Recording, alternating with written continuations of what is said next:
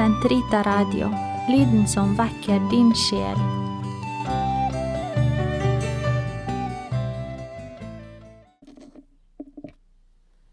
Den katolske kirkes katekisme, uke 18, lørdag, paragraf 1987 til 1995. Nåde og rettferdiggjørelse. Rettferdiggjørelse.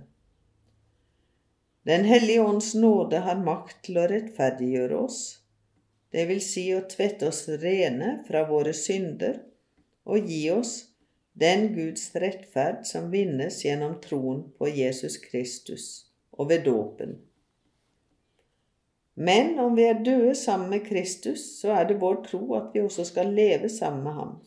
Vi vet at Kristus, oppstanden fra de døde, ikke mer kan dø, at døden ikke har noe herredømme over ham mer. Den død han led, var en død bort fra synden, og det en gang for alle. Og det liv han lever, lever han for Gud. Slik skal også dere anse dere for døde for synden og levende for Gud i Kristus Jesus.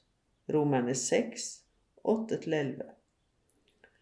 Ved Den hellige ånds kraft tar vi del i Kristi lidelse ved å dø for synden, og i hans oppstandelse ved å fødes til nytt liv. Vi er lemmer på hans legeme, som er kirken, grenene podet inn i vintreet, som han selv er. Det er ved Ånden vi har del i Gud, ved deltakelse i Den hellige ånd får vi del i den guddommelige natur. Derfor er det at de som Ånden bor i, blir guddommeliggjort. Det første verk Den hellige ånds nåde virker, er omvendelsen som utvirker rettferdiggjørelse, slik Jesus forkynner på begynnelsen av evangeliet. Vend om, for himlenes rike er nær. Tilskyndet av Ånden omvender mennesket seg til Gud og vender seg bort fra synden, og slik får det tilgivelse og rettferdiggjørelse fra det høye. Rettferdiggjørelse innebærer altså syndenes forlatelse, helliggjørelse og fornyelse av det indre mennesket. Rettferdiggjørelsen løsriver mennesket fra synden som står i motsetning til Guds kjærlighet og renser dets hjerte for den. Rettferdiggjørelse følger Guds miskunn, som er først ute og tilbyr tilgivelse. Den forsoner mennesket med Gud. Den setter fri fra trellekår under synden og helbreder. Rettferdiggjørelse er på samme tid å ta imot Guds rettferd ved troen på Jesus Kristus. Rettferd betegner her den guddommelige kjærlighets rettsinn. Med rettferdiggjørelsen utgytes tro, håp og kjærlighet i våre hjerter, og det blir, gitt, blir oss gitt å være lydige mot Guds vilje.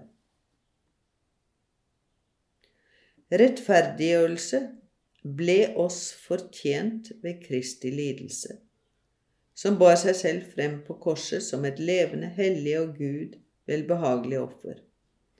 Hans blod ble et redskap til soning for alle menneskers synd. Rettferdiggjørelsen meddeles i dåpen, troens sakrament. Den likedanner oss med Guds rettferd, som gjør oss rettferdige i vårt indre ved sin miskunns kraft. Dens mål er Guds og Kristi herlighet og det evige livs gave. Men nå har Guds rettferd åpenbart seg, uavhengig av loven. Både loven og profetene vitner om den. Det er den Guds rettferd som vinnes gjennom troen på Jesus Kristus, og som uten forskjell blir alle som tror til del.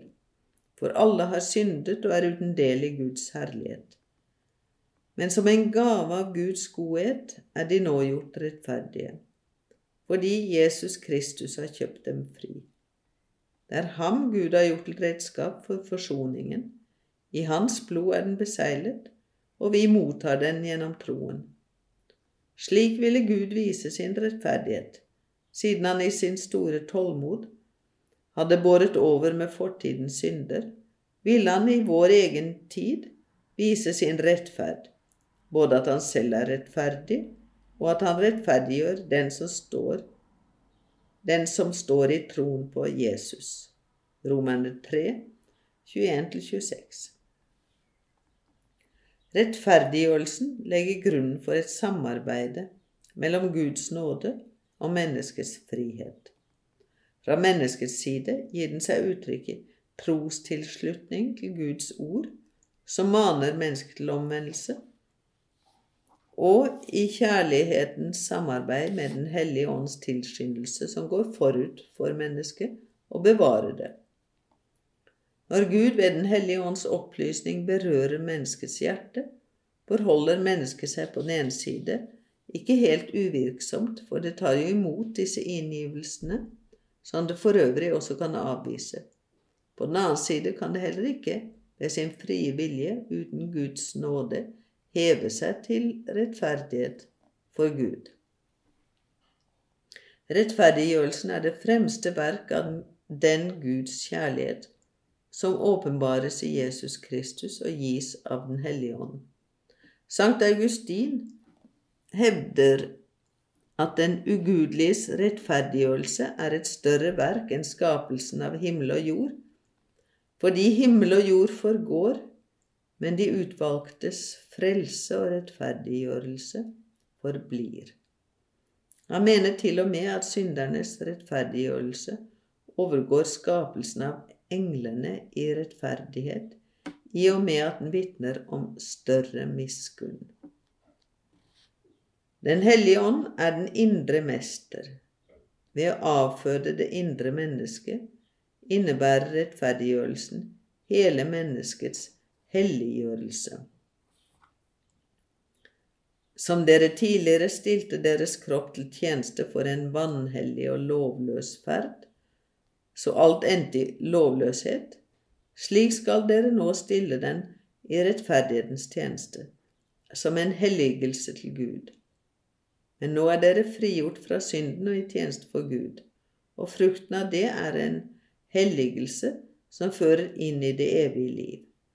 Romerne 6, 19 og 22.